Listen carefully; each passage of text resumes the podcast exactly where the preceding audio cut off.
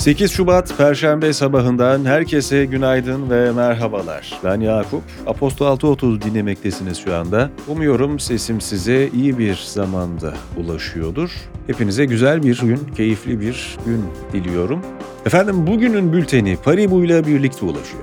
Paribu bu zamana kadar kendi sektöründe ve toplumsal fayda sağlamak üzere farklı alanlarda etkiyi Doğru Yer Paribu reklam kampanyasıyla anlatıyor. 6 milyondan fazla kullanıcısını merkezine alan kampanya hakkında ayrıntılar bültende sizleri bekliyor.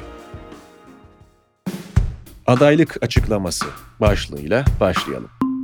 Edirne cezaevinde tutuklu bulunan eski HDP Genel Başkanı Selahattin Demirtaş'ın eşi Başak Demirtaş, İstanbul Büyükşehir Belediye Başkanlığı için aday olmayacağını duyurdu.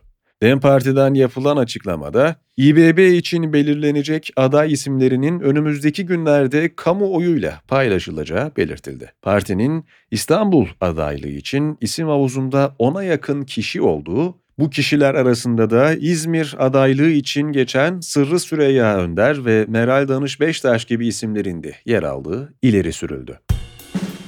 Türkiye gündemi CHP'nin yeniden aday gösterdiği Hatay Büyükşehir Belediye Başkanı Lütfü Savaş, dünkü konuşmasında adaylıktan çekilmeyeceğini belirtti. Savaş, kendisini protesto edenlere Hatay üzerinden kirli bir oyun oynanıyor dedi. Savaş hakkında bölgeden gelen istifa istemine ilişkin CHP Grup Başkan Vekili Ali Mahir Başarır, Savaş'ın adaylığının yeniden değerlendirilebileceğini söylemişti. Salı günü İstanbul'da Çağlayan Adliyesi önündeki polis kontrol noktasına DHKPC terör örgütü üyeleri tarafından düzenlenen silahlı saldırının ardından 67 adresi operasyon düzenlendi. Gözaltına alınanların sayısı da 90'a çıktı. TÜİK verilerine göre 6 Şubat depremlerinin ardından bölgeden 308 bin kişi göç etti. 141 bin kişiyle en fazla göç veren il Hatay oldu. Türkiye'nin ilk astronotu Alper Gezer Avcı dünyaya dönüş yolculuğuna çıktı. 48 saatlik bir yolculuğun ardından Gezer Avcı'yı ve mürettebatı taşıyan Dragon kapsülünün Florida kıyısı açıklarına ulaşması bekleniyor. Dünya gündemi Birleşmiş Milletler Güvenlik Konseyi bu ay sonunda 3. yılına girecek olan savaş nedeniyle Rusya'ya Ukrayna'daki güçlerini geri çekmesi çağrısında bulundu. Pakistan'da kayıtlı 127 milyon seçmen bugün genel seçimler için sandık başına gidiyor. Bu 76 yıllık ülke tarihindeki 12. seçim olacak. Şili'nin Valparaiso bölgesinde çıkan orman yangınlarında ölü sayısının 131'e çıktığı açıklandı. Şili Devlet Başkanı Gabriel Boric, yangının çıkmasıyla bölgede olağanüstü hal ilan etmişti.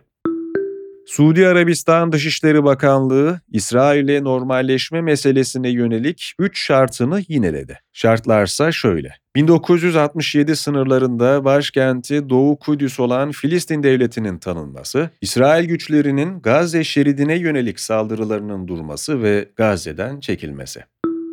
7 Ekim 2023'te başlayan ve yaklaşık 5 aydır devam eden İsrail-Hamas savaşında Filistinli kaynaklar, Hamas'ın Gazze'de her biri 45 gün sürecek 3 aşamalı esir takası ve ateşkes planını kabul ettiğini bildirdi. İsrail güçlerinin Gazze'den tamamen çekilmesini talep eden Hamas, ateşkes önerisine karşılık olarak bazı taleplerde bulundu. İlk aşamada çatışmalara 45 günlük ara verilecek ve bu sürede tüm İsrailli kadın rehineler, 19 yaş altı erkekler, yaşlılar ve hastalarla İsrail hapishanelerinde tutulan Filistinli kadın ve çocuklar takas edilecek. İkinci aşamada geriye kalan İsrailli erkek rehineler Filistinli mahkumlarla takas edilecek ve İsrail güçleri Gazze'yi tamamen terk edecek. Üçüncü aşamada Taraflar birbirlerine cansız bedenleri ve onlardan geriye kalanları teslim edecek. Ekonomi ve finans Türkiye 2003-2023 yılları arasında faize 563 milyar dolar ödedi. 2023'te 28,4 milyar dolara ulaşan faiz ödemesi 2011'den bu yana yıllık bazda görülen en yüksek değer oldu.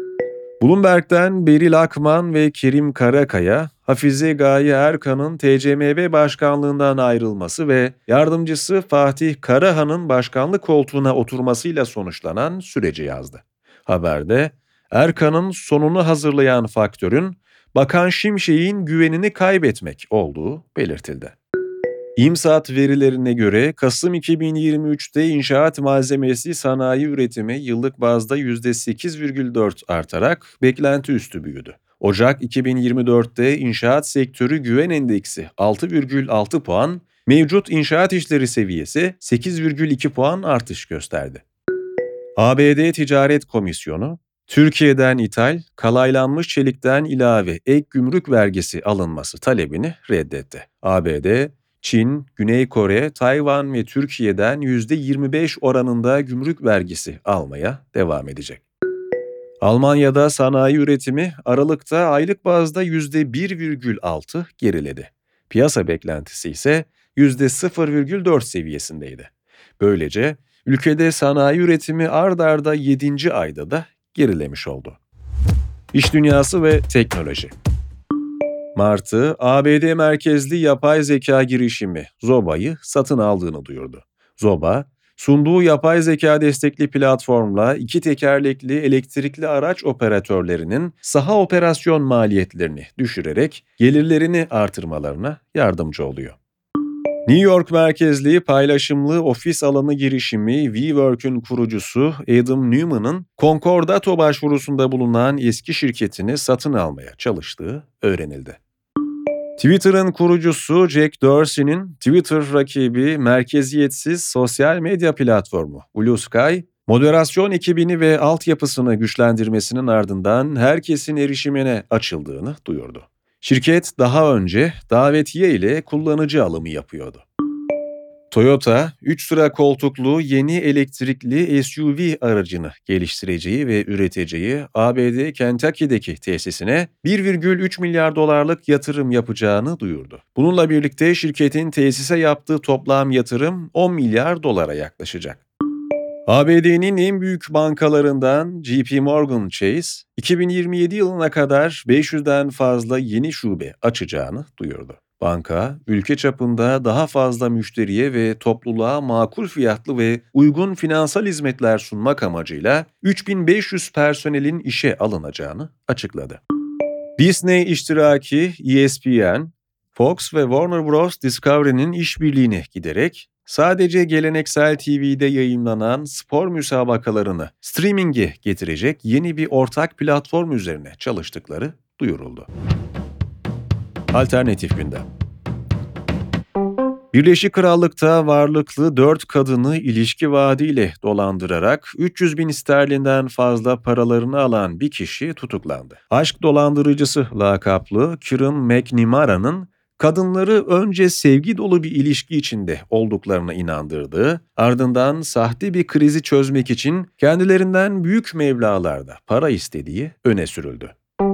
Twitter'daki paylaşımları nedeniyle Mandalorian'daki Cara Dune rolünü kaybeden oyuncu Gina Carano, Elon Musk'ın şirketi X'ten alacağı hukuki destekle Disney'i dava edeceğini açıkladı. X, Carano'ya maddi destek sunulacağını doğruladı. ABD'de ilk kez bir okul saldırganının ailesi taksirle insan öldürme suçundan yargılanıyor. Okulundaki 4 öğrenciyi öldüren ve ömür boyu hapis cezasına çarptırılan silahlı saldırganın ebeveynleri hakkında 15 yıla kadar hapis cezası isteniyor. 6.30 yayınlarında bir günün daha sonuna geldik. Bugünün bülteni Paribu'yla birlikte ulaştı. Ben Yakup. Dilim döndüğünce gündeme ilişkin detayları sizlerle paylaştım. Bir sonraki bölümde görüşünceye dek kendinize iyi bakın. Hoşçakalın.